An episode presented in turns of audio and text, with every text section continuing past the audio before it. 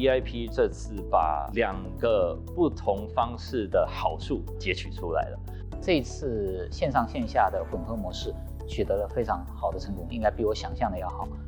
今次我覺得各方面都做得非常之專業，世界各地唔同嘅專家咧都可以繼續嚟咧參與呢個活動咧，係將佢哋嘅知識啊同埋佢哋嘅經驗咧係同大家去分享。喺成個安排上面亦都係好專業、好順暢，我覺得 T.D.C. 係做得非常之好。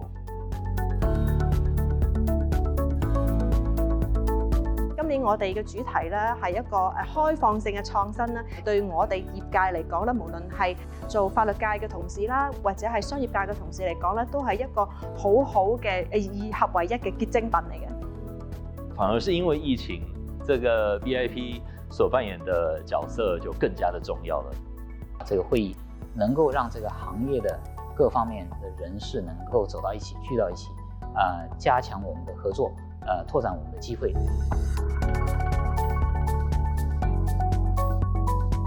我们在大湾区里面看到很多机会，主要是两个部分：在广东、深圳这几个大城市，我们看到有很多新科技；香港自己本身的基本建设非常的成熟、充足，我们在里面看到有很多合作啊的机会。我们看到这个中国大中华市场的重要性，我们在二零一八年到香港上市，在这个知识产权啊、版权立法等等方面，中国在大中华区里面发展的非常快，进步非常非常快，在连接世界的上面，我觉得香港会有一个独特的地位，结合两者的长处，香港在 IP 领域里面，我觉得有很大的作为。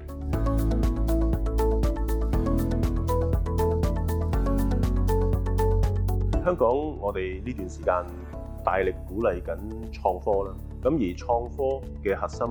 就係知識產權，所以 BIPH 喺呢段時間推動緊呢個知識產權，我覺得係非常之好嘅時機。BIPH 誒透過 cooperation 嘅方式，等我哋一啲 startup 可以同一啲。大嘅公司，譬如 Nokia 同埋 Panasonic 去合作，我覺得呢個係對於 Star 嚟講好重要、好寶貴嘅一啲嘅經驗。今年咧，我哋好榮幸贏出咗 IPHatch 其中一個獎項，而呢個獎項只係一個起點。喺未來嘅時候咧，我哋會繼續同我哋合作方 Nokia 有更加多嘅合作。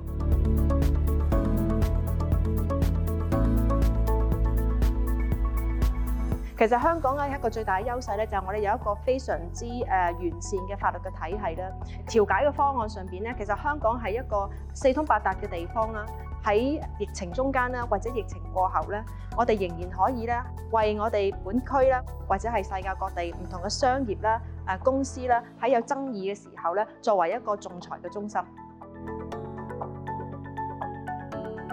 香港贸发局跟 BIP 当了领头羊。在这个地区把整个行业带了起来。以一个使用者的观点来说，我觉得 VIP 能够提供的服务，能够提供人脉，是在这边独一无二的。所以我们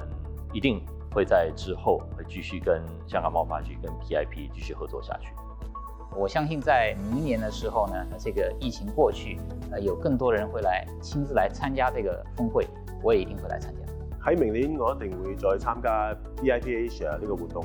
首先要恭喜咧 BIPH 今年十周年啦，咁我亦都相信咧 a i p b i 咧同 Hong Kong TDC 咧會繼續啦喺 BIPH 呢個 forum 上邊咧一齊合作咧，將我哋知識產權方面嘅知識咧係誒傳播俾唔同嘅領域。